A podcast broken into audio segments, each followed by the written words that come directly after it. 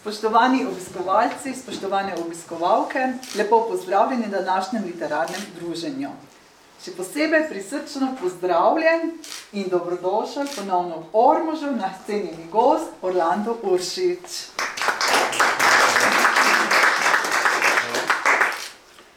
Orlanda Uršiča v naši knjižnici dobro poznamo kot enega od ustanoviteljev, direktorja in glavnega urednika založbe Litera, pa tudi kot lucidnega moderatorja naših literarnih večerov. Danes je za nas poseben večer, priložnost ga imamo spoznati tudi kot pihca. Verjamem, da bo današnje druženje prineslo še marsikaj novega in mora biti tudi bolj osebnega o njem. Orlando je v 21-letnem delovanju založbe doživel marsikaj, spode, spone in krize, a izjemno mnogo praznikov in veselja ob izdajah knjig, kot tudi ob nagradah, ki so si jih mnoge svojo kakovostjo prislužile. Za svoje večletno delo na področje kulture, za urednikovanje založbe Litera in za uspešno večletno organizacijsko delo pri spodbujanju in razširjanju kulturnega življenja je leta 2020 prijel glasarjevo listino, ki jih poleg Glasarjeve nagrade za življenjsko delo podeljuje mestna občina Maribor. Orlando, čestitamo. Hvala. Poleg založniškega dela in neutrudnega promoviranja bralne kulture se naš cenjeni gost, diplomirani ekonomist in založnik, posveča tudi avtorski ustvarjalnosti.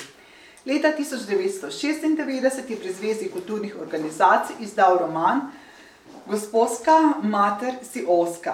Roman je samo založbi leta 2014 bil ponatisnjen, eno leto predtem pa je po zgodbi romana Marko Šantič posnel svoj prvi celovečerni film z naslovom Zapeli me.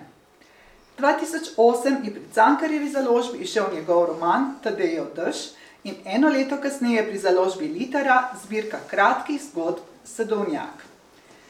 Do letošnjega leta je vsaj za nas bralce bilo čutiti pisateljsko zatišje, ki se pa je zaključilo z izidom njegovega zgodovinsko-biografskega romana Krušni oče, katerega izdajatelj je umetniški kabinet Primož Premzel Maribor. Roman, ki ga predstavljamo nocoj, govori o Josipu Huterju, industrialcu in filantropu nemškega porekla, tako imenovanemu očetu Mariborske tekstilne tovarne Josip Huter in drug. Med drugim ga oblikovala izjemna skrb za delavce, samemu Mariboru pa je pustil neizbrisen arhitekturni pečat tako stanovanjskim objektom, tako imenovanim Huterjevim blokom, kot tudi kolonijo dvostanovanjskih hiš. Njegovo ime in zanimivo življenjsko zgodbo je Orlando Uršič pomagal iztrgati iz pozabe. Današnji pogovor z odličnim pisateljem bo vodila bibliotekarka Marjana Koroza. Marjana in Orlando, izvolite. Hvala.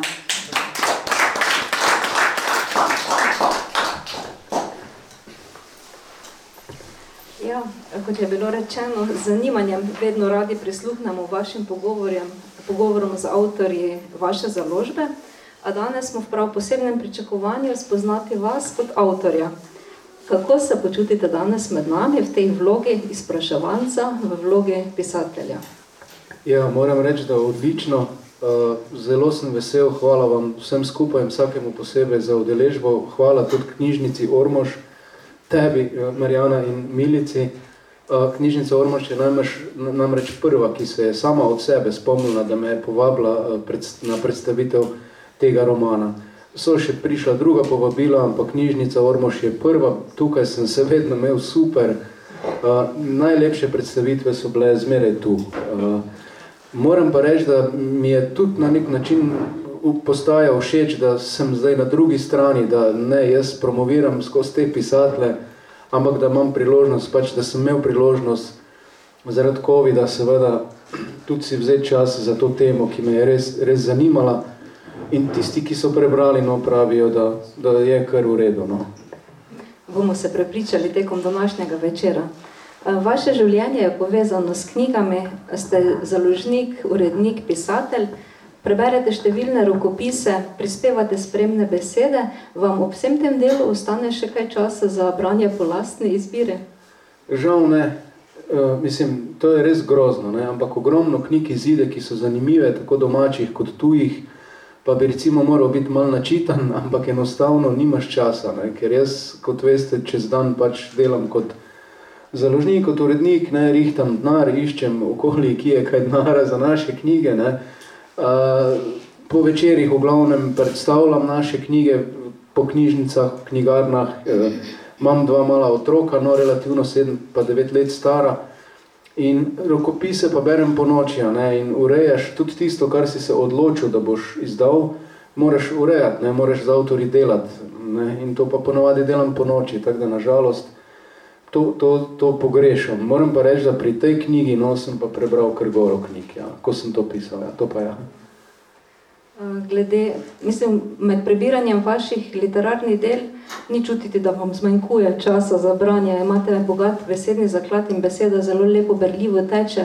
Um, tudi estetski užitek branja je neizmeren. Uh, ali ste torej že v otroštvu radi brali in vas je zaznamovalo branje od otroštva? Ja, jaz mislim, da sem v, v celoti, jaz mislim, da sem prebral več kot ne 2000 knjig, no se mi zdi. Jaz sem včasih bral po štiri knjige hkrati. Sem jih imel takle zvečer zraven posla in pač kak sem bil razpoložen, tisto sem bral. Ne. Tudi poezijo, tudi eseje, romane, zgodbe.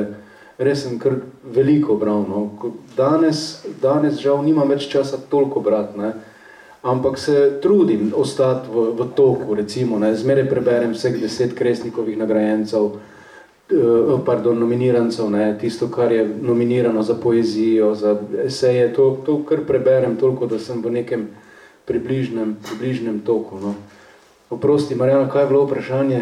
Da, torej, branje iz otroštva in z mladosti vplivalo ja, na vas kot eh, literarno ja, seveda, jaz mislim tudi, da me je branje konc koncev rešilo. Jaz sem imel zelo težko otroštvo, ne vem, če sem še kdaj govoril o tem tukaj, uh, je bilo, mislim, zelo hudo. Ne? Z mano kot otrokom so delali odrasli stvari, ki se ne smejo delati z otroci, ne? če tako rečem. In jaz sem zmeraj bežal v, v svet knjig. Ne? V, jaz sem prišel v, v Maribor star 17 let, pa sem imel pet razredov osnovne šole, v poboljševalnico sem prišel. Ne? Ja, to je bilo res kar divje. Ne? In uh, tam so imeli ogromno knjižnico, prva stvar, ne, kamor so me peljali, so me peljali v knjižnico, vse sem prebral v tisti knjižnici, no, kar je bilo. Tudi kakšne bedarije, sam da sem bral. Ne. V osnovni šoli, pa kot otrok, me je pa rešil en učitelj, v bistvu slovenščine, Igor Škrl, jaz sem ne vem, koliko razredov sem ponavljal. To je bilo z mano grozno, niso vedeli, jaz mislili so, da sem autist, da, da dio. A takrat niso znali v bistvu tudi, bi rekel, procesirati teh stvari, ne. Jaz sem imel recimo take napade panike, da sem bil en mesec v bolnici, pa takrat niso vedeli, da je to to. Ne. So mislili, da nekaj v glavi ne štiva. Ne. Ampak me en učitelj pa pri slovenščini zmeraj knjige dajo. Ne. Tam pri slovenščini sem imel pa vedno petke, tako da absolutno je to moja usoda. Ne. Uh, tudi založba se je začela s tem, da sem jaz začel pisati. Ko sem tisti prvi romanček izdal, sem prišel malo v te kroge, tako se družil s temi ljudmi z, z literarnega polja, pa tak, ne, in na podlagi tega bo tudi nastala založba, ja, seveda. Tako tak, da ja, ja. Izjemno veseli smo, da, smo da, lahko, da imamo priložnost spoznavati Orlando Uršiča tudi z te vsebne plati. Ja. Vse to je Orlando. Uh, te ste torej spoznali, da želite same pisati s prvim romanom Gospodska mater si Oska. Ja, ja ko sem, jaz sem, mene, na mene je zelo vplival takrat en avtor, uh, sem bil res mulo, Franjo Frančič, ne vem, če kdo ga pozna, pa če kaj bral, tisti njegovi prvi romani so v bistvu bili eh, torej, čist objektivno dobri, mene so se pač posebej dotaknili, zato ker so pisali o, o otroštvu, ne, o te, takih negativnih izkušnjah v otroštvu na en tak način, ki se me je res dotaknil in sem mislil, pa še jaz tudi kaj napisal, oziroma sem se mislil, pa kak jaz hodiča ne morem napisati take knjige, ne tak pride motivacija. Ne? Pa rečeš, ok, bom jaz tudi poskusil. Ja. In za vaša dela, uh, gospodska mater si Oska, Tadejo Dež, kratka zgodbe zbirke Sadovnjak in tudi za krušnega očeta, je značilno, da v literaturo vnašate resnične ljudi in svoje lastne izkušnje. Do sedaj ste obravnavali različne like iz uh, socialnega, družbenega dna, uh, posebneže in ljudi, ki ste jih v resnici poznali, do trenutka, ko ste začeli pozornost posvečati pomembnim ljudem, ki pa so nam zgodovinskega časa oddaljene. Uh, zakaj like in gradivo najraje črpate prav iz realnega življenja? Ja, dva tipa pisatla sta, ne? sta. Eni pisatelji pišejo o stvarih, ki jih niso doživeli in jih ne poznajo in nikoli od blizu niso videli, naprimer, ne vem, New Yorka, pa pišejo o New Yorku. Ne? Uh, in to lahko tudi dobro naredijo. Deluje verodostojno, lahko verjameš, da je on bil v New Yorku, pa videl tam, ne vem, en lokal je šel na koncert in vse to dobro popiše. Ne? Drugi tip je pa pisatla tako ne more drugače pisati kot tak, da piše iz nekih svojih vlastnih izkušenj. E, meni je ta krušni oče v bistvu tudi na nek način, kako na temu rečem, rešil življenje, ali kaj, ker res dolgo, dolgo časa nisem pisal. Ne. To pa zato, ker se nisem hotel več ukvarjati s svojim otroštvom, ker je bilo res dovolj opisovanja teh travm, vse je lušno, privlačno, tudi, e, kot je rekla Milica, film so posneli po tisti gospodski, ampak enkrat moraš s tem nehati, ne. Moraš tudi, e, kako mislim, moraš. To me je žena naučila, no, da so pač tudi drugi ljudje, ne. Mal poglej, kaj še kdo drug trpel. Sej nisi samo ti trpel, ne. E, tak, ne, se mi zdi prav, ne. In uh, hvala Bogu, da sem odkril to uh, temo Josipa Hutarja, da sem na nek način eno empatijo pokazal tudi drugim ljudem, no. Kakšni so bili tisti prvi trenutki, ko ste našli Hutarjevo zgodbo, ali je zgodba na nek čudežen način našla vas, mislim, on, Josip Hutar. Ja, torej Josip Hutar je bil, eh, kot je povedala Milica, no, ne vem, če kdo od vas pozna to zgodbo Mariborske tekstilne tovarne, ne, to je on v bistvu to začel, je bil prisoten med Mariborčani kr, kr skos, ne, še danes rečejo Hutarjev blok, ne, še mladi ljudje danes v Mariboru vejo, kdo je bil Hutar, na primer, ne, To smo vsi vedeli. Ne. Mene je ta zgodba res nagovarjala dolgo časa. Ne. Samo hodič ni bilo cajta se lotiti. Ne. Uh, je pa grozno tisti prvi korak, ker v bistvu nimaš nič. Pol greš, jaz sem pol na, v, v univerzitetni knjižnici prvega človeka našel, to je Borod Gombač, ki mi je našel materijale. Pol tavaš, pa ne veš, pa v arhivu sem preživel ne, ne vem koliko ur, Eh, prebral tudi dosti knjig. Uh, o hutarjih je bilo v bistvu napisano zelo malo. Ne, jaz kot spreten založnik ne, sem napisal zadaj na platnico, da je vloži zelo veliko, ker je ena Mariborčanka pač nekaj napisala o hutarju. Ne. Sem hotel biti korekten, ampak ona je tam tri strani napisala v bistvu življenje pisa. Ne. In je bilo prvi korak, kot rečeno, no, je bil res težek, ker je to eno veliko iskanje tone materijala, zato da pol 200 strani napišeš. Ne. Vznemirljivo pa seveda totalno, ne. posrkate tako, da ne veš, ki imaš glavo, ki imaš rit po domače povedano. Ne. Spat ne moreš od tega. Ja. Podobno se dogaja z bralci, tisti, ki ste knjigo že brali, oziroma jo berete. Uh, veste, o čem govorim, tisti, ki pa šele boste, pa boste malo spoznali, kako zgodba posrka. In neverjetno se mi zdi, uh, Torej, Josip Huter je resnična osebnost. V Mariboru stoji blok, stoji uh, kolonija dvostanovanskih hiš, njegova tovarna je tam bila. Ampak, ko beremo knjigo, se potopimo in beremo, kot da bi brali zgodbo, čeprav se zavedamo, da je resnična. In deluje uh, res realno. Me zanima, če je sploh kaj fikcije vaše domišljije v zgodbi. Torej, ta osnovna linija družine Huter, ne, kako je to potekalo, ne, bomo to pozneje, ali, ali to že zdaj lahko govorim. Lahko, ne. Lahko odkrijem, začnemo odkrivati. Ja, ja, eh, torej, njihova zgodba je taka, o, Josip Huter pa njegova žena Beti sta prišla iz Ljubljane, sta bila prišleka v Maribor, pravzaprav praznih žepov in sta potem dobila enega ostrica, eh, ki je bil vlagatelj, ne, da sta odprla tovarno, tako nakratko rečeno. No, Ves čas sta v bistvu izvajala filantropsko dejavnost, pomagala, financirala vse, kar je v Mariboru takrat obstajalo, ne med vojno pomagala partizanom. Po vojni sta pa bila uh, obsojena, uh, zaničevana, mislim, poniža, ponižana in na koncu pač odšla v Avstrijo in, in živela na robu revščine. Ne. Uh, Josip je umrl relativno mlad, 63 let star, kot mi je rekla njegova vnukinja, uh, v samoti in žalosti. Ne.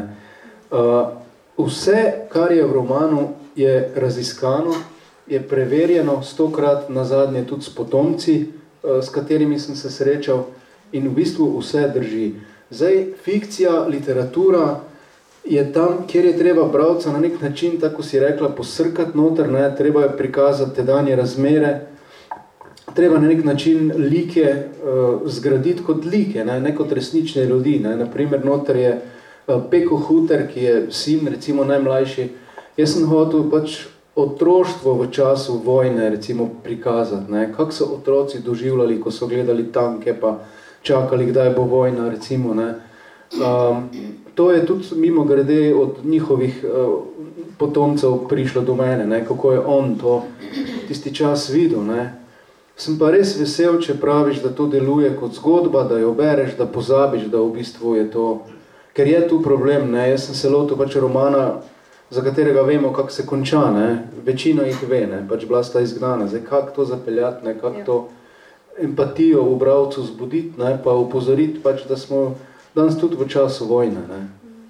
Zelo spretno gradite, psihološko gradite like, vse po vrste, od glavnega Josipa Hutarja. In me zanima, če ste od njegovih potomcev izvedeli kakšne anekdote, ki urisujejo njega kot človeka, njegov karakter, ali je to plod vaše domišljije. Naprimer, Josip Huter je delo predan človek, je skromen, je um, deloven, marljiv, pošten, uh, filantrop, kot ste rekli. In ja. na, način, na kakšen to izrišete, naprimer, ko Maribor bombardirajo, uh, takrat oni z družino uh, se spenjajo na, uh, v parku, na, ne, na hribček. Na hribček. Ja in on preplača eno kolo, da se odpelje gledat, ampak prvo gre pogledat blok ali je prestal bombardiranje Točno naslednjo to. tovarno v Mele in šele na to pride na vrsto njegov dom. Tako. Je to plod vaše fantazije, delo ne. vašega ne, to je res. intelekta? To je res, njega v bistvu spoh ni zanimalo nič drugega, kot pa, kot pa v bistvu njegov blok, pa tovarna, pa delavci tudi. Ne. On je bil tudi tak, da je v bistvu bil zelo, zelo previden. Ne? Maribor je tedaj bil pač uh, narodno so razdeljeno mesto. Ne? Nemci pa Slovenci so se bili kar precej nasproti. Ne? Uh, do leta 1918 je bilo prebivalstvo v Mariboru 70% nemško. Ne? Po Versajski pogodbi, ko je Avstro-Ogrska pač razpadla, ne? pa tja do ne vem, leta 1939, jih je bilo samo še 20%, ne? imeli so pa vse kapital v rokah, ne? Sorry, zdaj sem že začel predavati. Ampak ja, tu so eni taki uh, podatki, bi rekel, trenja so bila neverjetna. Ne? Uh, pred drugo vojno je potem kulturbund začel delovati, izseljevati ljudi in tak naprej. Ne? In Jos je bil pa vse čas previden. Ne? On je hotel biti pač čim bolj jugoslovanski, dokler je Jugoslavija delovala. Ne? Uh, recimo ženi ni pusto, da si obleče pelc mantel, ki je ga sam kupil, ni želel, da gre ta na promenadni sprehod uh, v tem pelc mantru, ker je rekel, pa kaj si nora, kaj bojo pa rekli, ne smemo se hvaliti, ne smemo se izpostavljati, ne. moramo biti čim bolj skromna, drugače, mislim, nas bojo grdo gledali, ne. Uh, vrt je hotel imeti urejen posebej, po jugoslovansko, kot se je takrat uh, urejalo, pri čemer sploh noben ni vedel, kaj to je jugoslovansko urejen vrt. Ne. Tega po mojem sploh ni bilo takrat. Ne. Ampak on je bil toliko pozoren, da je pač poskušal ne, na vsak način paziti, da se ne bi, da se ne bi komu zameril. Ne. In eh, znan eh, je po, tudi po svoji higijeni, tudi po svoji urejenosti, kako ja. je uh, urejal delo v tovarni, kako je skrbel, da so se Absolutno. redno umivali ja. njegovi delavci. Ja. Ja. Potem uh, po lepem urejenem notranjem vrtu v tovarne. Ja. To so vse izpričana dejstva. Izpričana dejstva, to so tudi fotografije, obstajajo, tudi obstajajo zapisi o tem, pričevalci. Jaz sem se srečal z enimi menda osmimi ljudmi, to mi je Primoš Premzlano res pomagal, uh, ki so mi te stvari pripovedovali. Ne. Pol imaš pa tudi, mislim, taka ena gospa je bila res hecna, ne 92 let, pa sem bil pri njej rekla, sej Josip me je klical prejšnji teden po telefonu, pa si rečeš, ok, ne, uh, gospod malo zanese, ne, ampak ko je pa začela govoriti o teh spominih, ne, pa vidiš, koliko to tem ljudem pomeni, ne moreš verjeti še danes. Jaz ne vem, koliko od vas je bralo ta intervju v nedeljo, v večeru, da se ne bi ponavljal, no, Uh, moja hčera ima sošolko, 16 let staro, in ko sem jaz to, enkrat smo se vozili nekaj, ne vem kam sem jih vozil na nek krožek, in je mala zasijala, oči so je zasijala, ker so njeni stari starši pri njem delali in se je vse takoj spomnila, kaj so ji stari starši o Josipu Huterju govorili. Ne, bil je pa napreden seveda za svoj čas. Ne. On je prvi v Jugoslaviji imel delavski svet, se pravi, so delavci so upravljali. Ne. On je ne vem, tako si rekla, tovarno imel zrihtano v nulo, uh, edini je imel delovne obleke, on je v teh hiškah na pobrežju, ki jih je Milica, Milica omenila, pa delavcem zrihtal eh, kopalne kadi pa toplo vodo. Ne? In pol so se eh, drugi industrialci, Nemci pa Čehi norčevali iz njega, ne, češ, ka, ka se bo zdaj delavec umivo, itak bo jutri spet umazan. To je prav zapisano nekje v, v enem viru. Ne? Uh, skratka, ja, osebno pa zelo discipliniran človek, ne? zelo discipliniran, predvsej navezan na svojo hčero Evo, ki je tudi v romanu noter, sicer pa pač se mi zdi nekako, no, da je bil pošten oče uh, in da je se trudil na nek način Mariboru predvsem dajati. No. Kamen spotika je bilo, bi bil ta njegov socialni čut, uh, skrb ja. za delavca, iz tega izhaja tudi naslov romana Krušni oče. Tako je. Prvič v Ja. branju zgodbe, pridemo do besedne zveze Krušni oče, ko ja. uh, se v takratnem času dogajajo stavke tekstilnih ja. delavcev, razen njegovi ne tako, stavkajo. Tako, njegovi delavci niso želeli stavkati, to je bila velika tekstilna stavka po celi Jugoslaviji, takrat strašno je to bilo. Ne? Njegovi pa niso hoteli stavkati, um, ker je bil do njih, tako kot sva rekla, pa mimo grede plačal jim je uh, mezdo, mislim, da za 50% višjo mezdo kot v ostalih tovarnah. Ne. Takrat so si vsi želeli delati pri hutarju. Ne. Uh, on jim je potem plačal uh, štiri dni, je rekel, imate plačano, uh, sam stavkajte, da me ne bojo drugi industrialci gnjavili, da kak jaz zdaj njimi pred nosom jemljem naročila, ker vi ne stavkate. Ne. In takrat je zazvenel tisti klic, ja, hura, naš krušni oče. Ne. To je enem zgodovinskem viru navedeno, ne spomnim se točno kje. Uh, ampak on je pol vseeno po noči, pa ni noben gledal, ne, da gre roba iz skladišča en v času stavke. Ne. Tako da je bil tudi prefrigan po svoje. Ne. Uh, ja. Nekoliko strani pozneje še enkrat uporabite krušnega očeta v povezavi s Hitlerjem. Je to bilo namerno? Na strani ja, 139 pa zapišete, eh, ko ta politikant oziroma ja. eh, nemški baron, ja, baron, ja, ja, Hans Škuter, Baron, Hans ja. baron eh, govori eh, v zvezi s Hitlerjem, eh, da ja. je pa on pravi oče in ne krušni oče. Tako. Točno to. Ja, eh, Hans Baron je bil v bistvu, eh, zdaj pa ne vem, kako se temu reče, a je pastor ali župnik evangeličanske cerkve v Mariboru in vodja kulturbunda. Evangeličanska cerkva je takrat bila zelo pro-nemška, medtem ko katoliška cerkva pa niti ne. In kulturbund, kot rečeno, je v bistvu takrat sestavljal pred vojno, to je bilo, ne vem, par mesecev prednje je nemška vojska ukorakala, ne, so oni sestavljali dosjeje o pomembnih Mariborčanih in jih pošiljali na vojno upravo na Dunaj. Ne. In isto so Huterja postavili pred dejstvo v bistvu teden dni pred začetkom vojne. No. In on je seveda zelo bil hitlerijanski, uh, Hans Baron, to je resnična oseba. Ne. On je bil uh, uh, predvsej pro-nacističen in je Huter na nek način s tem zbadal, ne. češ, kaj boš ti neki krušni oče. Ne. Hitler je naš oče, ne pa ti, kaj boš, ne. Uh, bodi hvaležen, da smo te sprejeli in tak naprej, ne. To so bile kar metode take, ja. Huter je pač skušal krmariti. Uh, pozabil sem reči to, ja, tudi v intervjuju, da me na nek način spominja na Oskarja Schindlerja, ne vem, če poznate ta lik, ki je v bistvu imel tovarno, ne, uh, kjer je proizvajal orožje za nacistični vojaški stroj, ampak je vendarle rešil tok in tok delavcev, ne.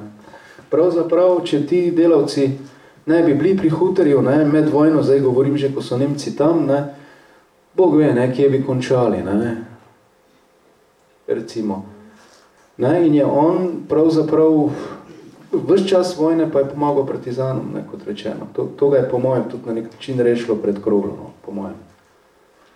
zgodovinska dejstva ste torej raziskovali iz različnih virov in jih uh, ja. Ja. O, pač v, gradili v zgodbo romana. Uh, zanimivo pa mi je še ena druga plat uh, resničnosti v romanu, ki se veže na literarni lik uh, mladega zdravnika, študenta medicine, Josipa Safering, Saferninga, ki ga Eva kliče Zafi. Ja. In ja. Kolikor spretno ste opisovali zgodovinske dogodke in resnične osebe, takšno spretno ste izkazali tudi pri opisovanju eh, Josipovega študija ja. in njegovih postavljen diagnoz in operacij. Ja. Odkot pa vam to znanje? Ste tudi ja. to raziskovali v medicinskih učbenikih? Ja, mi, ne, mi imamo enega pisatla, Franja Nadžija, ne vem, če je kdo upazil ga kakorkoli v zadnjih 3-4 letih, ki je, ki je zdravnik. On je doktor medicine oziroma kirurg in on mi je s temi podatki ogromno pomagal. Uh, je pa tudi ta uh, lik, dr. Heribert Završnik, je bil njihov hišni zdravnik od Huterjev. In on je v bistvu po, po vojni, tej zdaj naši vojni, že ne po letu 90, v bistvu prvi začel opozarjati na to zgodbo. Ne. Uh, med njim in Evo Huter se je res spletlo eno flirtanje, uh, ni pa bila to resnična ljubezenska zgodba. Jaz sem pač želel v romanu dati prostor vsem članom družine Huter. Torej, Josipu, Beti in, in trem otrokom. Ne? In vsi so tudi dobri, tako tudi Eva. Ne? In sem uporabil pač to njeno mladost, njeno iskanje same sebe, njene neke prve korake v samostojnost, ne? potem pa pride vojna in ti v bistvu prekriža vse možne načrte, vse možne želje. Če te že ne ubije, ne? ti vzame pa ne vem, naslednjih 20 let, ko podoživljaš vse te travme. Ne? In ta je resnični lik in on je tudi spomine napisal, Heribert Završnik, in on se je z njimi srečeval, ja. In je tudi to res, kako on opisuje v bistvu v romanu to svoj, ta svoj študij. No. Tak zelo skromen je bil iz, re, iz revnega okolja, je prišel in je bil seveda srečen, da so ga huteri sprejeli med sebe in tak. Ne z njim se roman začne in nekako tudi zaključi. Tako, on je v bistvu glavni pripovedovalec, ne, poleg mm. ta malega pekota. Ne. Ta dva sta pripovedovalca, medtem pa, ko govorim o huterih, oprostite, v družini huter, pa sem to dal v sedanji jezik, nekako, da so še zdaj živi, ne, kot da smo jih mm. veš, yeah. Ja. spravili v današnji čas, no, da so tu med nami. Ja. Ja. Uh, pomemben lik je seveda močna ženska Beti, Ja. Ampak preden bi še se malo nje posvetili, bi pozornost obrnila na sina uh, Josipa Hutarja. Julijana, ja. Julijana, pardon. Ja. Tri ja. Josipi jo, so. Taka, taka zgodba, ja. Julijana. Uh, ja. Ja. Njegova zgodba je res, res tragična in tudi uh, na ključja so neverjetna. Ne? Jaz, ko sem, jaz sem vedel, navajalo se je tudi v knjigi od Jerneje, ne? ko sem videl tam razstavljeno, da je on padel na nemški fronti. Uh, uh, kamor je bil prisilno mobiliziran. Ne? In sem potem razmišljal, kako za njegovo zgodbo povedati. Ne? In sem si rekel, sveda, ja, pisma. Ne? Pisma tega fanta, ki je iz fronte pisal domov. Ne? Takrat so zelo natančno pisali pisma, jih številčili. In ni bilo seveda tega nikjer. Ne? Jaz sem šel v arhiv gledati, spraševal pričevalce njegovih pisem, ni bilo nikjer. Ne? To ne vem, če sem ti povedal. Na kar uh, S Primožem Premzom smo pa skupaj prišla tako, da sem ga jaz vse čas gnjavil za podatke, ne, ki mi jih je nesebično dal, na kar mi je on povedal, pozna potomce. Ne. Ampak pazite, vmes sem se jaz zmislil na podlagi eni dvestotih pisem drugih fantov, ki so bili mobilizirani, sem si zmislil Julijanova pisma za vr, ta roman. Mhm. Ko sem pa s potomci prišel skupaj, sem pa dobil 68 njegovih resničnih pisem. In pisma, to mi gre še zdaj koža gor. Ne? Pisma, ki so v romanu, so torej njegova. Pisma, ki so zdaj v romanu, so kombinacija v bistvu tistega, kar sem se jaz izmislil in kar je on v resnici napisal. Ampak nisem mogel verjeti, da v bistvu enih 20-30%, ki sem si jih jaz recimo temu izmišljeval, seveda izmišljeval, uživel sem se v njega, kolikor se le dalo uživel, da sem to spravil iz sebe, na zadnje pa njegovih pismih iste stvari piše. Ne? In ta je bil neverjetno, uh, recimo, kak je bil on prefrigan. Ne? On je pisal domov, naj mu pošljajo pakete, to je zdaj z resničnih pisem, ne? z želirnim sredstvom, naj mu dajo želirno sredstvo noter, pa uh, ne vem, pet kil sliv, če se da, pa, pa cukra toliko in toliko natančno napisal, kaj je on delal. On je tam kuhal marmelado, pa prodajal oficirjem. Ne. No, Neverjetni je bil. Ne. Podjetniško žilico po očetu. Totalno, ne.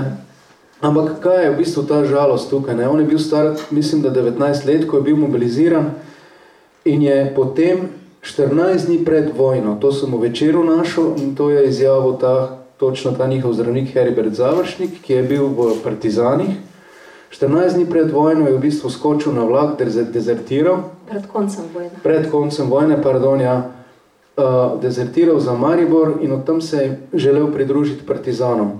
In kaj se je zgodilo na tem vlaku, v bistvu je razneslo plinski kuhalnik, ko so si fantje greli hrano, to se mu je zarilo v čelo in on je v bistvu prišel domov na pol mrtev, veš kaj je to. In so ga imeli v domači oskrbi, niso ga upali pelati v bolnico, takrat so še nacisti bili, ne, ker kot dezeterga bi ga takoj ubili. Ne. In paziti, to, se, uh, to so res take usode, da ne moš verjeti. Ne na kar po vojni ga pa niso upali pelati v bolnico spet zato, ker bi ga komunisti lahko ubili, ne? Ker, je, ker je bil pač mobiliziranec. Takrat, veste, prve par dni po vojni ni bilo heca. To mi je tudi premzel pravo. To je bila, uh, kako bi rekel, želja po maščevanju, seveda tudi upravičena, ne? je bila res močna. To so prišli, te pelali, premzel mi je rekel, da je, da je v bistvu v njegovi vasi tam, to so prišli, te odpelali pa ubili. Sploh ni bilo nobene debate. Ne? in so ga ven gost pokopali v bližini Maribora in nihče do danes ne ve v bistvu, kje ta fant je. Ne?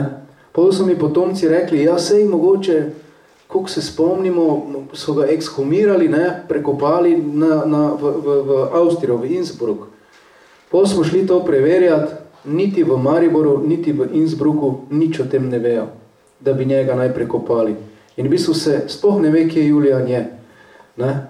Um, Tako da je to res ena taka njegova usoda neverjetna. Ne? Zelo malo časa je imel za karkoli, ne? zelo malo. On pač, ne vem, groza, no. Ja. Um, viš, da sem še hotel nekaj reči, pa sem pozabil. Tako se me njegova zgodba se me zmere tako dotakne, no, ja razmišljam o tem, eh, koliko je smiselno, da razkrivamo tako podrobno zgodbo, ja, preveč ne bi smeli, ja. Eh, strinjam, preveč ja. izdanega, ja. pa zato predlagam, eh, da pridemo še na eno eno literarno lepoto, podrobnost, ki vas bo še zamikala k branju, to je ponavljajoči motiv sadivjega kostanja Res, v, ja. v romanu. Ja. Pa tudi motiv klavirja, ki se stojita tako simbolno uh, nasproti. Ja. Ja. Uh, bi prosila, uh, bila sva dogovorjena, da bi ja. Orlando izbral nekaj za brati in ker mi ni pravi čas poslal, kaj bo bral, sem jaz določila odlomke, ki prosim, da bi jih avtor nam danes prebral. In sicer sem tu izbrala samo motive drevesa, ki so tu pri teh listkih, uh, pa označila sem kaj. Okay. Okay. Ne smemo pa povedati, ne, kaj se pol zgodi s kostanjem pa s klavirjem. Bomo zvedeli vse. Ja, to je res škoda. Ja, evo. Ja, to je tisti moment, v bistvu tik pred vojno, ko se uh, Josip, hočeš ali nočeš, mora učlaniti kulturbund, ali pa v bistvu, ko pridejo nacisti, bo izgnan, če ne celo ubit. Ne. Evo, in zdaj se ona dva debatirata o tem, kaj narediti. Ne? Se lahko samo odlomke berete. Pepi pa to naredi. Ne? Ja. Pepi so ga klicali doma. No? Beti ve, da bo Pepi, kakor ga doma radi kličejo, zdaj vstal, šel do okna in sklenil roke za hrbtom. Gledal bo v krošno mogočnega divjega kostanja ob sosednji hiši, za katero se je neštetokrat vprašal, zakaj da je tako podivjala. Kako so lahko tako neorganizirani, da kaj takega dopustijo. Se predstavljate, njega kostam zanima, vojna pa pred vrati. Drevo trpi, že tako stare in rogovilaste veje se šibijo pod težo snega. Še dobro, da bo kmalo pomlad. Takrat v ta rogovilast nered nekoliko prikrijejo cvetovi nežno-roza barve. Tako Josi po kostanju, Beti pa vidi neskončna ruska zamrznjena polja in kot rezilo oster veter, ki reže kožo mladih fantov tudi njenega Julijana. Ob tej misli Beti nekoliko podivja in od moža, ki so čustvuje s prekletim drevesom, zahteva naj nekaj naredi. Pa dobro. Hm, zdaj pa tukaj, ja? ja. To je druge vrste koritar, reče Lenart. Čaka na svojo priložnost. Kaj bodo? Aha, spet, ja. Križem rok ne bodo mogli dolga leta dolgo gledati in čakati, ponovno pričnejo prigovarjati tudi Josipu, ki mu misli uhajajo k divjemu kostanju na dvorišču sosedove hiše. Februar jemne slovo in kmalo bo kostan rožnato zacvetel. Lep bo, pomisli, če tudi vas podivjan, kako ne bi odšel iz Maribora prav v marcu, ko cveti divji kostan. To je pa je bedarija, da ne cveti marca. To so ene take napakice noter, eh, pa da pomladi grabi prvo listje. To je totalna bedarija, se mi zgodila, smo spregledali. Evo, joj, ja, veš, da nisem vedel, da je tok tega. To je zdaj ta ja, čas, ko pravzaprav začnejo stvari počasi razpadati. Ne? Čudno, si misli Josip. Sosedov divji kostan še kar ne zacveti, pa je že skoraj sredi marca. Namenil se je do Rogličeve trgovine, nad Mariborom ždi siva in težka meglena koprena. Kakor da se sonce prav na ta dan noče prikazati. Ulice so prazne, stavbe so molčeče in sive, nobenega življenja nekjer. Ja, zdaj vem, zakaj je marec. Zato, ker marca so ukorakali, ne? Zato je marec noter. Aprila, pardon, ja. Marca se je pa začelo tlet, ne. So se pa ljudje začeli spraševati, kaj ne zdaj, ne. Josip stane, prekriža roke na hrbto in gre do okna. Gleda krošno divjega kostanja, ki bo kmalo zacvetel. Po vseh vejah se že delajo popki. Sliši Beti, kako mu govori, da se ji tudi Eva ne zdi prav srečna. In vse čas visi v svoji sobi, le redko kdaj spoh pride dol. Na sprehod s prijateljico gre zelo redko. Josip je z mislimi drugje. A, ja. Še tukaj. Pa še malo dialoga, da slišimo, kako ste sprejeti na avto. Ja. To je pa zdaj že vojna, konkretno vojna. Torej, proti kontu se mi ždi tam 43, ja. Prekleto drevo, sikne Beti. Bomba je oplazila sosednjo hišo, a očitno do dobro razčesnila rogovilast kostan. Tale pa ne bo več cvetel, reče Josip. Vitrina se je pa lepo razcvetela, reče Beti. Ena figurica ni ostala cela. Ona je imela te majsne figurice, ne, če to poznate, ko so včasih ženske zbire, to ogromno je pomenilo in to je tudi res. Nikar, Beti, dobim ti nove, reče Josip. Gotovo nama jih lahko roglič nakupi kje po Avstriji. Nove, Kako nove? To so vendar moji spomini, ne moreš mi kupiti novih spominov, od kimava Beti. Ah, reče Josip in se razgleduje okoli okna, ocenjuje škodo na parketu in ustavi pogled na klavirju. Brandl je pa še živ, na to reče. To je znamka klavirja. Briga me, Brandl, reče Beti, ter besno brcne v klavir. Dobro je, da smo še živi. Poglej, druga mesta v Nemško, Nemškem rajhu, Aha, poglej druga mesta v Nemškem rajhu, nekatera so zravnana s tlemi. Tako reče Josip in pomisli na obogo drevo. Že tako, to pa res zdaj že meni tako ganljivo, ja. Tako, že tako ni bilo prav negovano in je pravzaprav trpelo. A Beti tega ne omeni. Še bolj bi jo razbesnel.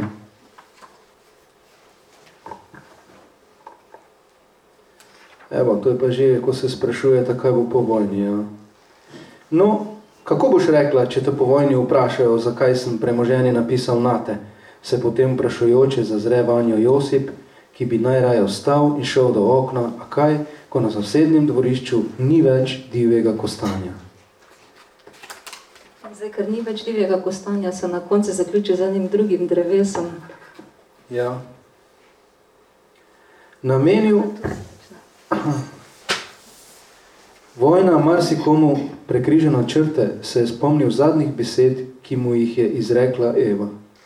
To je zdravnik. Takrat je zadnjič slišal njen glas. Zajemal je zrak in se namenjal proti mestnemu parku, ki je bil nedaleč od huterjevega bloka. Namenil se je pred odhodom še sprehoditi čez park in tam videti, kaj? Tisto platano, klopco, na kateri mu je naslonila glavo na ramo, zavonjati rožno vodo, tak parfum je imela namreč. To ni več ista platana, niso več isti listi. Tudi senca pod platano ni več ista. To je minuli čas, ga je spreletelo. Obrnil se je in odšel. Samo hodil je. Hodil je in hodil in zdi se mu, da hodi še danes. Konec se vedel. Ja. Hvala vam uh, za odlično prebrane motive drevesa skozi zgodbo. Uh, res se tako simbolno vije skozi celotno zgodbo in uh, to yeah. Ja. simbol drevesa daje občutek m, zaupanja v neki naravni red, v neki ciklične, vedno ponovno rojevanje, ampak kot ga vojna uniči, uniči tudi življenje ostalih. Kaj ste imeli v mislih, ko ste ta motiv drevesa a, tako mojstersko in odlično vpletli v zgodbo o ja. Josipu? Ja, jaz moram reči, da se tega simbola, ki si ga zdaj ti povedala, spoh nisem zavedal. Uh, intuitivno avtorstvo. Ja, ja, torej, res je, ne, drevesa vsako jesen umrejo in se spomladi spet rodijo in jim zavidamo malo mi, ne, ko enkrat, ko bomo umrli, se ne bomo več nikoli rodili. Ne. Uh, sem si dosti krat to mislil, ampak ko sem to pisal, pa res nisem pomislil. Uh, hotel sem s tem pač povedati, da Josip ima ene svoje kotičke, ne, on pač gre k oknu in gleda ta kostan ne, in lahko to eno uro gleda ne, in pri tem pač premišljuje o tem, kaj se mu dogaja. Uh, na nek način ga to tudi umirja, ne, neko notranjo pomiritev išče in spremlja v bistvu točno, kdaj bo zacvetel, kdaj bo prvi popek, kdaj bo prvi ježek prišel ne, in tudi spremlja, kako potem jeseni, ko sta kostan v bistvu na nek način odmre, če temu tako rečemo. Ne. Uh, so še kakšni drugi taki njegovi kotički, ampak to sem jaz v bistvu hotel. Ja. In potem, ko je bil Maribor bombardiran strani zaveznikov, ne, eden izmed najbolj bombardiranih mest je to bil, mislim, da v tedajni Jugoslaviji, celo v Evropi, je pa tako ostan razčesnilo ne, pred, pred njegovimi očmi pravzaprav. No, no, praktično, ne pred očmi, ampak ga je. Ne. Ampak to je mojstrstvo vas kot pisatelja, ta kostan, to ni izpričano resnično dejstvo. Ne, to pa, ni, to pa res ni resnično dejstvo. Fikcija, ki je na mesto.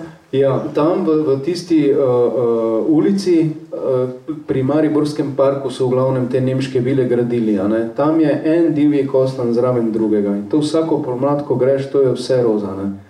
To je meni bilo ful všeč, zato sem to dal v roman. No? Mm. Ja. Nasprotno pa je močen motiv klavirja, klavirja, ki simbolizira to ja. uh, meščanskost. Uh, Res je. Ne? Uh, ja. In se ga otepata Beti in Josip si ga ne želita. Pa ne. ima ga vsilijo na nek način. Ja, dejansko ima ga vsilijo. Ja. One dva no, nočeta imeti nič s tem, da more nekje v kotu stati klavir. Ne. Niti v bistvu njuna vila ni vila. Vse še dan stoji, je pravzaprav v primerjavi s tistimi vilami tam okolje, na navadna, ne vem, bajturina. Ne. In ona dva nista hotla sprejeti v bistvu tega meščanskega razkazovanja, no, recimo temu tak. Ne. Uh, vse je nekako bilo skromno, tudi oprema je bila skromna, ni bilo nekak razmetavanja. Ne. Seveda se je pa takrat v Mariboru ogromno gradilo, takrat je Maribor cvetel in so prišli v mesto pač razni prodajalci raznih stvari, ne, od pohištva do tudi klavirjev. Ne. Ampak ta zgodba s klavirjem, spet ne vem, če bomo povedala, je pa popolnoma resnična. To je pa povedal Peko Huter, torej Josipov sin najmlajši, v intervjuju za večer, to, kako se potem to s tem klavirjem konča. Pri Peku to bi mogoče, ne vem, če si misla do njega še prit, no... Lahko ga zdaj, ja. Njegov ja. pogled ne? Ja. na vojno ja. skozi oči otroka. Tako on se obo vojne v bistvu spoh ni prav zavedal, ni, niti ni vedel točno, kaj se dogaja. On se je klato okoli, okoli vozil se je z biciklom, imel je slovenske prijatelje. Med drugim tudi ta njegov prijatelj Gingi je resnična oseba. Jaz v Mariboru ne smem govoriti, kdo to je, tukaj pa lahko, ker so pač svojci tako hotli. Ampak pogovor snemamo. ok, ne bomo, ne bomo povedali. Um, Skratka, en zelo znan mariborski zdravnik, pediatr, znamenit, no, uh, velik filantrop, začetnik Rdečega križa, ko otroc, otroke uh, peljejo na morje. Torej, tudi njegova zgodba v romanu je absolutno resnična. Uh, torej, Peko Huter je bil pa tak fant, on je norel okoli, na nek način se ni točno zavedal. Za njega on se je konca vojne, on se je zavedel vojne šele, ko je bilo vojna konec. Takrat so ga v bistvu izključili iz gimnazije, takrat si je on moral na nek način uh, prebegniti. Uh, ostalo, kar mu je ostalo, v bistvu so bili sam ti spomini prvih, uh, prvih let v Mariboru. No? 12 ali 13 let je bil star, ko je po vojni moral iti, so mu rekli na gimnaziji, pojdi, ker si Nemec. Ne? Zanimiva je pa njegova zgodba potem kasneje. Ne? On je v bistvu vse življenje ga je skrbelo, da ga bojo uh, agenti udbe našli in ga ubili. On je živel na nizozemskem, uh, bil je uspešen poslovnež, ampak vrš čas ga je skrbelo. Ko smo mi bili tam na obisku v tej hiši, torej njegovi, pri uh, uh, njegovih otrocih, ne, so nam pokazali eno sobo, uh, kjer je on imel knjižnico in ne vem, mislim, da enih 50-60 fotografij iz časa Maribora je bilo skritih med knjige noter. Ne. Uh, on, ni, on si ni upal iti v Jugoslavijo. Ne. Celo, ko je bilo že v bistvu Jugoslavije konec, so želeli z družino priti v Maribor in ko so prišli do mejnega prehoda, torej tu malo od Graca sem, ne, se je on nadoma ostavil, pa je bil že takrat konkretno v letih, ne, je rekel, da ga skrbi, da ga bo pa zdaj v bistvu uh, poklicala vojska, da bo, da, bo, da bo moral odslužiti vojaški rok, se je spomnil. Kar je že zdavno je bilo konec vsega, ne, ampak ni šel pol v Maribor, je šla družina, on jih je pa v Gracu počakal. Ne. Skratka, ta njegov uh, strah, pa tudi v bistvu navezanost na to svoje otroštvo, na svoj Maribor, ne, je, je bil res, uh, bi rekel, no, izjemno mu je to pomenilo. Potem šele, ne vem, kdaj konc 90-ih je on prvič prišel v Slovenijo in dal ene dva, tri intervjuje. No. Danes je še živ, star je 92 let, ampak je dementen, bolan, v bistvu niti svojci ga ne morejo več vsak dan obiskovati. Uh, žalostno. Zelo žalostno, no, ja.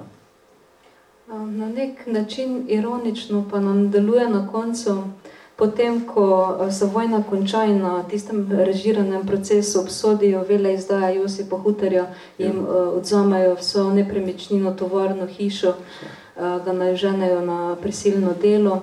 Beti in Pepko pa ostaneta v hiši, ki dobi nove upravitelje, nove najemnike. Tako. In takrat ta otrok Pepko v bistvu v oči gleda uh, maršala. Maršal, resnica, preverjena. Ne, ni ironično, da... Je, ne? seveda je ironično. Ne? Sej, gled, kak je življenje v bistvu ironično. Ne? Meni so to svojci povedali, da je maršal Tito eno noč preživel v hiši huterjev. Ne? Uh, in kako jim je Peko to prepodoval, kak je on to doživljal. Jaz sem šel to preveriti v Muzej narodne osvoboditve v Mariboru in je res. Res, res je prišel ne, eh, v Maribor, nekaj, ne vem, kaj je bilo na hitro treba urediti, to pustimo zdaj, ne. Um, potem je pa v bistvu uh, Peko to, to povedal svojim svojcem, oni, oni pa meni, ne. In ja, to je totalna ironija, ne. No, to sem hotel reči. Ona dva sta v bistvu po vojni, ko je prišla tedanja pač komunistična oblast, so v njihovi hiši v Pritličju v bistvu uh, naselili uh, takratno vojaško policijo, ali kaj je to bilo, ne vem, UDV, plus uh, ruski KGB. Ja, ona dva, ta mala dva, ne, medtem ko Josip bil v zaporu, torej ne, ta mala dva, Beti in, in Peko Huter, sta pa zgore živela. Ne. Josip je bil zaprt, oni so spodaj imeli pač svoje pisarne in tudi postelje. Oni v bistvu spoh niso šli domov. Tako da sta živela kot, bi rekel, ujetnika v vlastni hiši s strogim režimom, točno je bilo določeno, kdaj lahko stopita ven, kdaj ne, kam lahko pogledata, kaj ne pogledata.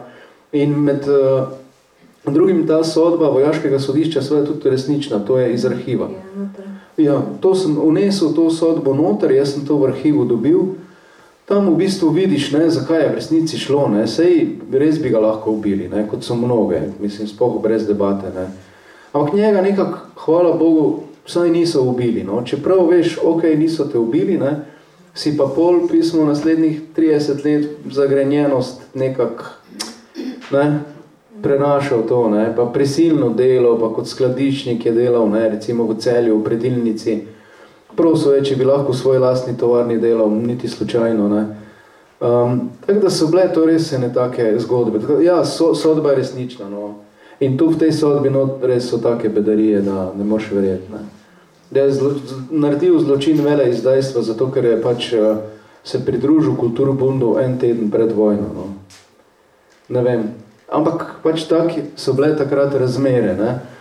Um, jaz upam, da mi je uspelo pač to povedati, da do 9. maja so partizani, absolutno partizani, junaštvo narodno-osvobodilnega boja ni, ni vprašljivo, meni absolutno ne, ampak pol, ko so se ti pubeci po eni strani spustili z goz, gozda dol, ne, je bilo malo divje, ampak tedanja oblast je pač imela to idejo, ne, podržati premoženje, pa ne glede na to, a si bil kulturbundu ali ne, ne, ravno tako so ti pač vzeli, ne.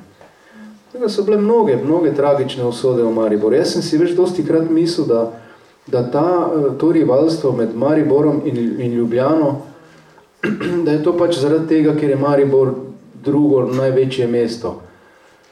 Danes pa mislim, da ima Maribor v bistvu v prav naravi vse čas ta neki krč pred nekom večjim. Ne? In to je v bistvu Avstrija. To je, to je bilo nemško mesto, mislim, cel čas monarhije. Ne? In Slovenci so vedno se, v Mariboru zdaj govorim, ne, Mariborčani so se vedno počutili pač na nek način tako oblegane, ne, in isto je pač zdaj z Ljubljano, ne, zdaj ni več Dunaj, ampak je pač Ljubljana, ne. Da ne govorimo o tem, da je Rudolf Meister praktično že držal celovec v rokah, pa ga je Ljubljana nazaj poklicala, ne. To so vse ne take rane, ko se pač v Mariboru kopičijo, ne. Pol, ko pa so prišli komunisti, pa tam jim ful delo dali, pa ne vem kaj vse so jim dali, Ja, super, ne, je bilo fajn, dokaj je šlo, ne, ko pa ni več šlo, pa žal ni šlo, ne. Nima meščanstva v bistvu v Mariboru, no, jaz mislim, da še danes nekaj veliko, no. To je kvazi meščanstvo v bistvu, ne. To so potomci teh ljudi, ki so prišli iz podeželja v te fabrike. Pravo meščanstvo so pa bili Nemci pa Židje, ne. Se Žide smo tudi izgnali v srednjem veku, ne. Ja. Zanimiv ja. pogled na usodo Mariborčanov in na njihovo uh, identiteto. Um, tem, s tem se dosti ukvarjal tudi gospod Premzel, ki ste ga že večkrat omenili, pa ne vem, um, koliko ga poznamo. Um, ja. Umetniški atelje, Primoš Premzel, ja. kabinet Primoš Premzel z Maribora je ja. izdal knjigo. Ja. Uh, Primoš Premzel, galerist, neutrudni zbiralec Mariborskega domoznanskega gradiva. Ja. Uh, ja. Si tudi on zasluži kakšno beležijo v novi knjigi. Aha, a, a v moji naslednji knjigi? Ja. ja, to pa ne vem. Ali še preveč? Da bi ga dali kot lika. On je v bistvu tak navzven deluje res kot en tak uh, fin gospod, ne vem, če ga je kdo že videl.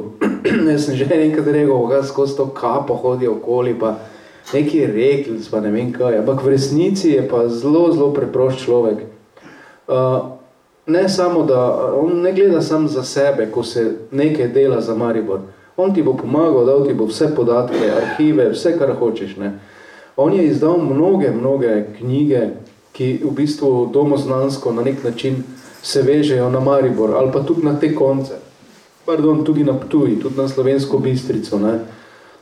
Je strasten zbiralec, zbiralec razglednic, recimo knjig, doku, dokumentov, fotografij, tega ima on res toliko, da se zdaj že v muzeju pogovarjajo, da bojo to najbrž odkupli, pa naredili posebno zbirko iz tega njegovega, kar je on, kar je on izbral. No, zelo ima rad svoje mesto, sveda tudi od tega živi na koncu koncev. Ne.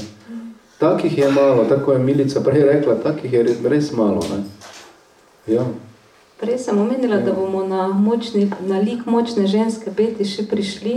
Ja. Uh, mislim, da je, primer, mislim, da je vredno, da je damo pozornost. Ja. Uh, čeprav nekako v romanu deluje, kot da je v senci Josipa Hutarja, pa nekako ženske vse začutimo, uh, da, ja. ni, ja. da ni ona senca, da je ona mogoče prej Absolutno. Ona.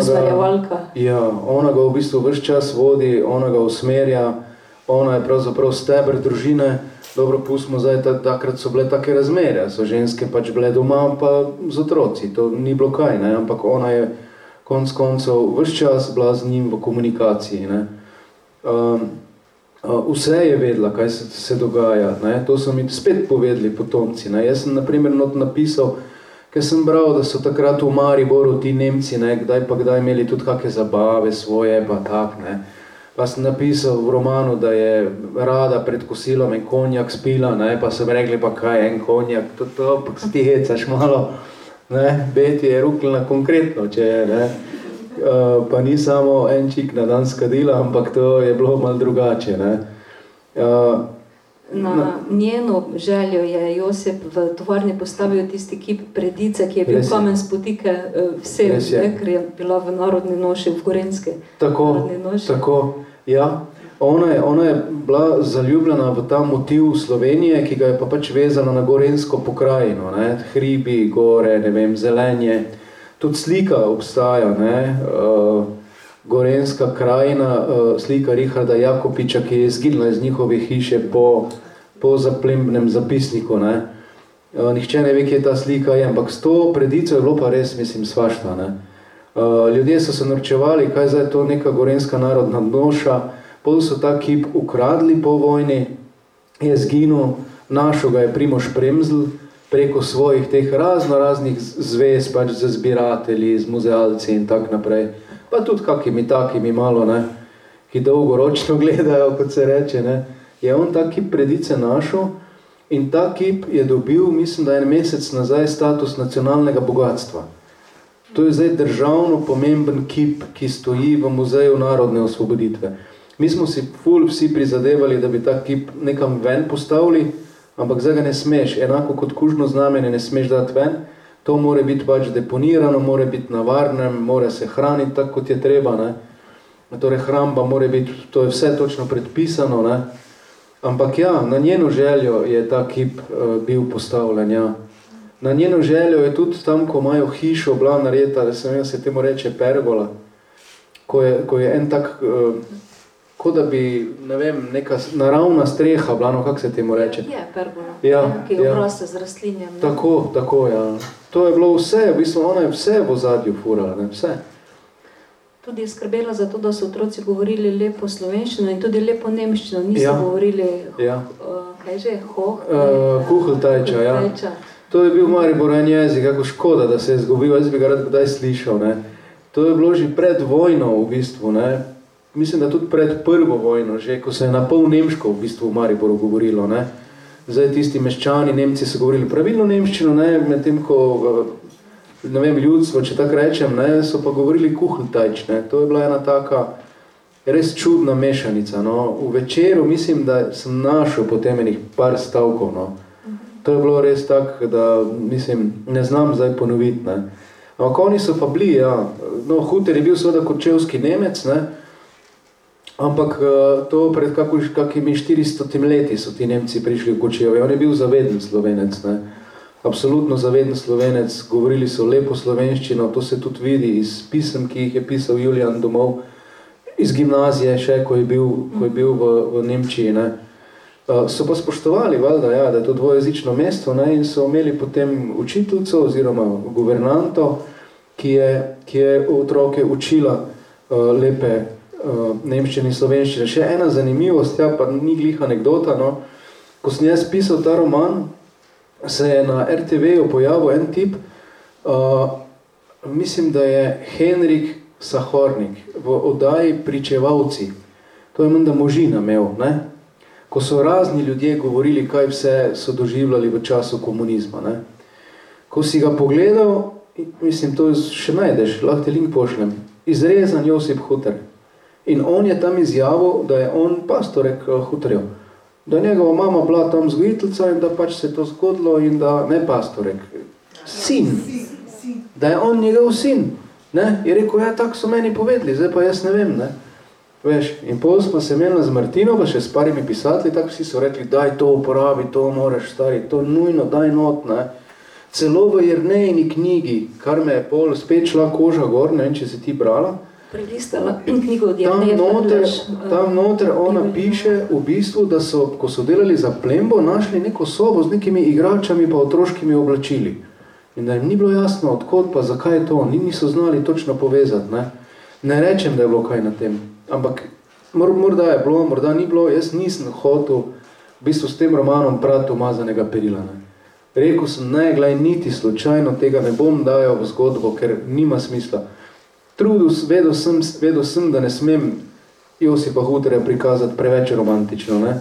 Zato, zato ga tudi prikažem kot spretnega takega, ne, poslovneža, ki vedno na nek način se zna, se zna recimo rešiti samega sebe pa svojo tovarno. Ne. Čeprav na koncu mu to ni uspelo. Ampak ja, nisem pa hotel Hočem reči, da teh zgodb je toliko, da, da tako se pravim, no, tako ena gospa, ko mi rekla, da je včeraj govorila s njim po telefonu, tako imaš, ne. Bolj pa priješ do potomcev, pa zveš malo bolj konkretne stvari, ne. Bolj tako fajn faktografsko, da štima, ne, to je res dobro, ne.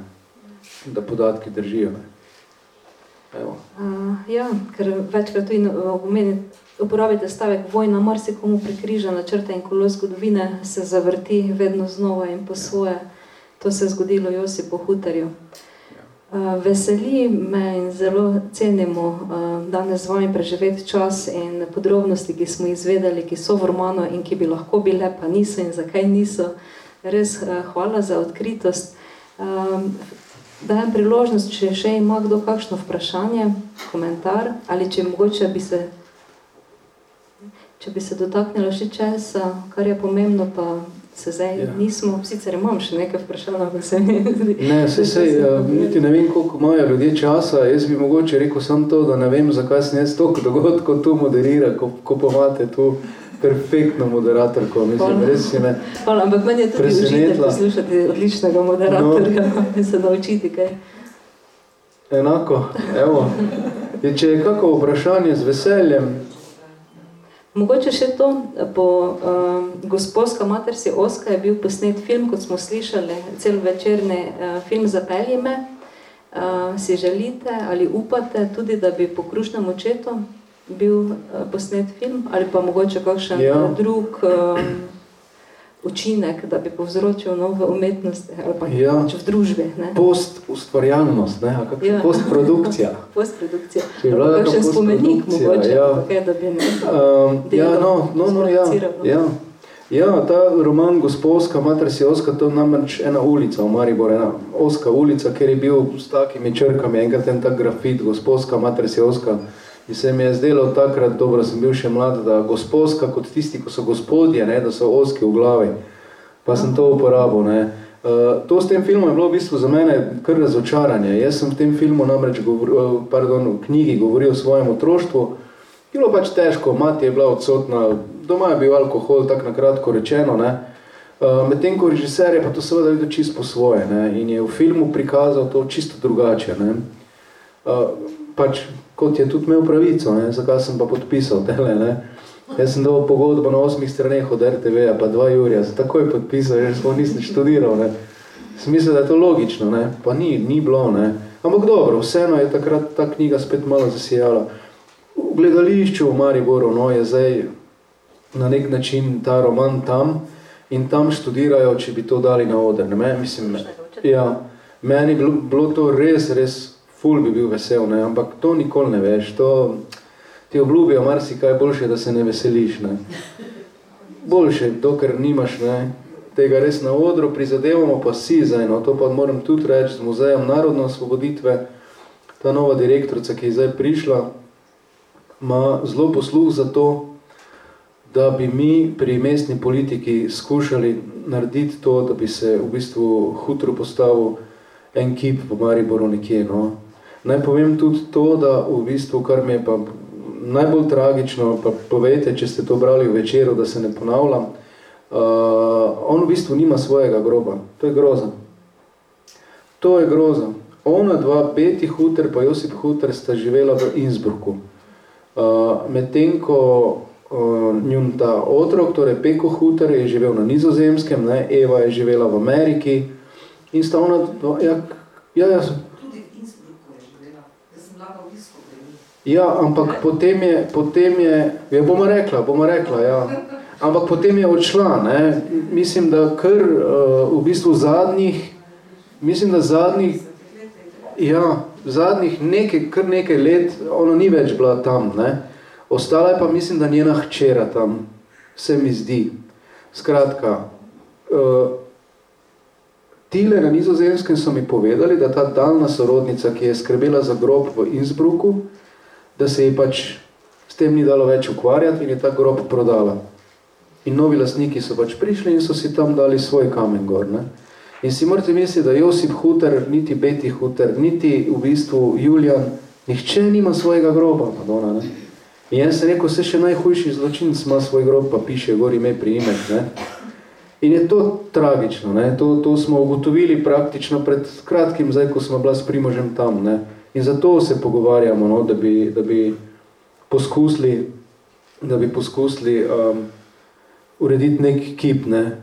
Ja, kar se pa Eve tiče, je pa tudi zanimivo. Ne? V bistvu pri njej se je tudi napačno navajalo, da je ona po vojni se poročila z Božom Rogličem, ne? Uh, sinom od njihovega prijatelja, in da sta šla. Kar v bistvu spoh ni res. Ona dva sta se potem poročila, ohoho časa, zatem kar povedite, gospod.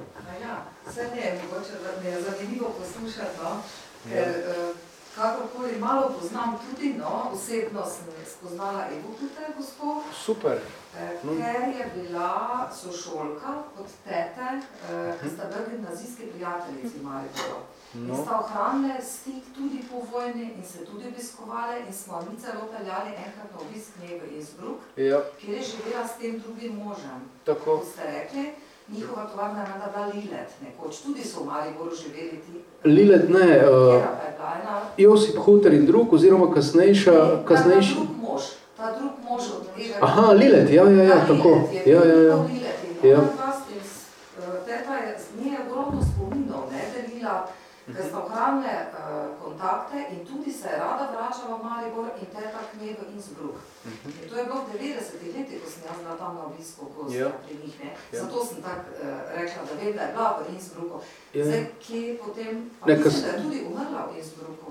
Kasneje je ona živela v New Yorku. Aha, Eva Huter. ja. Eva Huter živela v New Yorku. Je pa mislim, da njena hčera ostala v, v Innsbrucku. Kolikor sem jih jaz uh, uh, te ljudi razumel. V glavnem žalostno je to, pač, da groba ni več. Ne? Res žalostno. Ja.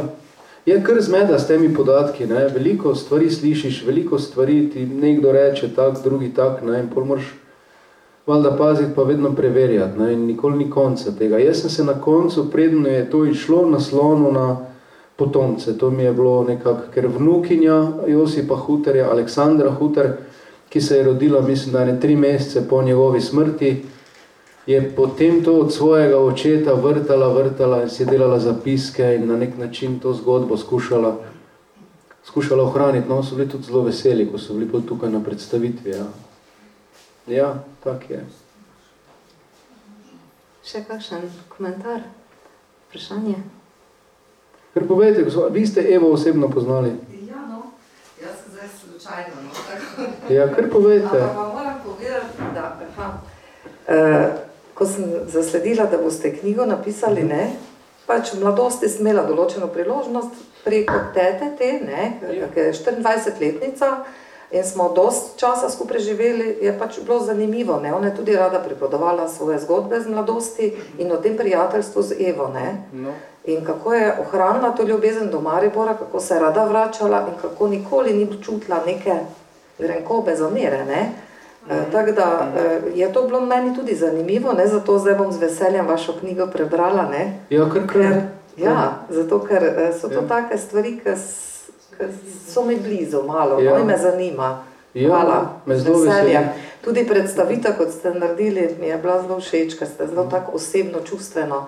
Ne, ker se mi zdi, take so eh, te zgodbe, neke družine, eh, verjetno bodo tudi, pa da ste se odločili res čim bolj take podatke vključiti, ne, da Absolutno, ker ja, verjetno ja. bodo želeli, tudi potomci so že eh, imeli priložnost knjigo. Seveda, ja, ja. Ja. To je bilo v bistvu tako, da ko sem se jaz najprej s pričevalci, pa potem še s potomci srečal, torej jaz bi ta roman lahko napisal zelo drugače, lahko bi bil ne vem kak literaren, postmodernističen, filozofski, ne vem kaj vse bi lahko. Ne? Ampak ko se pa s temi ljudmi srečaš in ko vidiš, koliko jim to pomeni, pa ne moreš.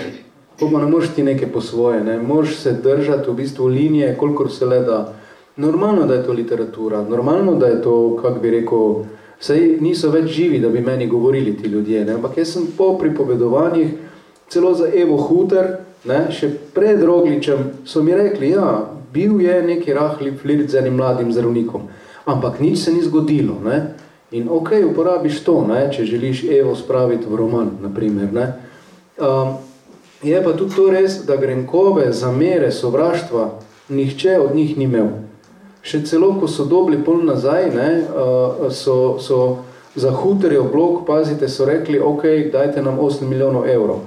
Uh, mark takratnih, vrednost je bila pa ocenjena, ne vem, nekih 20-30. Ne. Niso, niso bili, uh, kako bi rekel, uh, kako bi rekel, ena žalost se pri njih čuti. Ne. Oni so, uh, jaz sem jim poslal potem rokopis v slovenščini in oni so z Google prevajalnikom si to na nizozemščino page by page so mi rekli, ne, stran po stran in so dobili takenih 80% informacije. Ne. In so rekli, super je, glej, fajn je, strinjamo se, ful smo veseli, ker jaz brez tega romana jaz ne bi izdal, če ne bi oni rekli, ok, ne bi. Ker, ker bi jih, ne, v bistvu za brez veze bi jih razžal, ne, če, če se ne bi s tem strinjali. Ne. Uh, Rob Huter, to je unuk Josipa Huterja, mi je rekel pismo, končno vem, odkot jaz sem. Ne končno vem, kje je bilo to mesto, kaj se to dogajalo, kakšne so bile razmere, ne? Eh, kakšen je bil Josip in tak naprej. Ne? Tak da, ja, na koncu je to tudi v bistvu v sodelovanju z njimi nastalo, kakorkoli gledaš. Ne?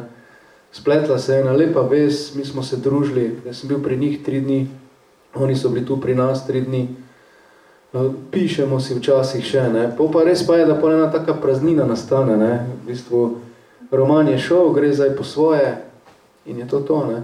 Mi je pa rekla ta Aleksandra Huter neverjetno stvar, kar se mi je zdela dobra ideja za naslednji roman.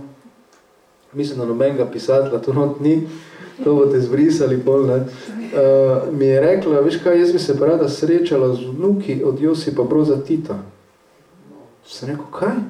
Ne? No se sem tako spogledali, je rekla, ja, rada bi se z njimi srečala. In sem rekel, zakaj pa? Pa je rekla, zato, da bi jih vprašala, kako se počutijo ob tem, da moj det umrl v, v, v samoti in žalosti, tako je rekla. Jo primaš prejem za zravno. In potem nič, naslednji dan, pa sem rekel, kaj, a še vedno ne, si ti to želiš. Sem rekel, verjetno zato, da bi lažje oprostila. Ne?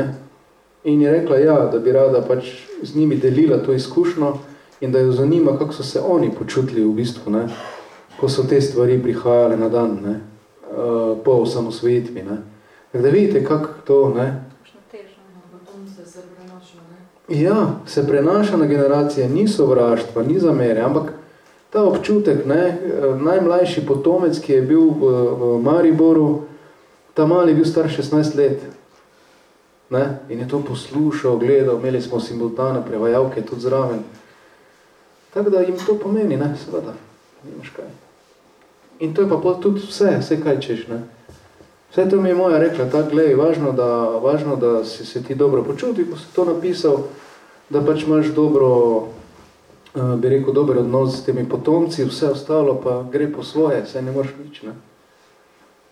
V bistvu pridemo do tega, da vaša umetnost ni angažirana, ampak terapevtska. Ja, ja. Vse za ljudi, ki sebe nosijo to um, težo breme, seveda, seveda, lomo, ne, absolutno. Vojne, vojnih. Ja.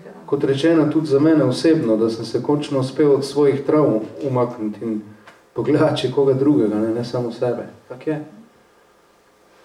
Uh, zelo smo veseli in počaščeni, da ste danes delili z nami vaše zgodbe in da lahko beremo knjigo. Verjamem pa, da v imenu vseh lahko zaželim torej še več naslednjih knjig, ja. ne mine med njimi toliko časa, oziroma ne kličete korono na pomoč, da bi ja. kaj napisali. Ja, ja, ja. Ampak, ne, da je Absolutno. teče. Absolutno, ja. Hvala tudi z moje strani, kot veste, jaz knjige vedno tudi prodajam, če bi kdo želel kupiti. Sicer pa... Kot, ampak tokrat kot, ne iz založbe litera, ja, ampak iz uh, umetniškega kabineta. Ja, UPP, umetniški kabinet. Ja, hvala še enkrat, no, se gotovo še vidimo.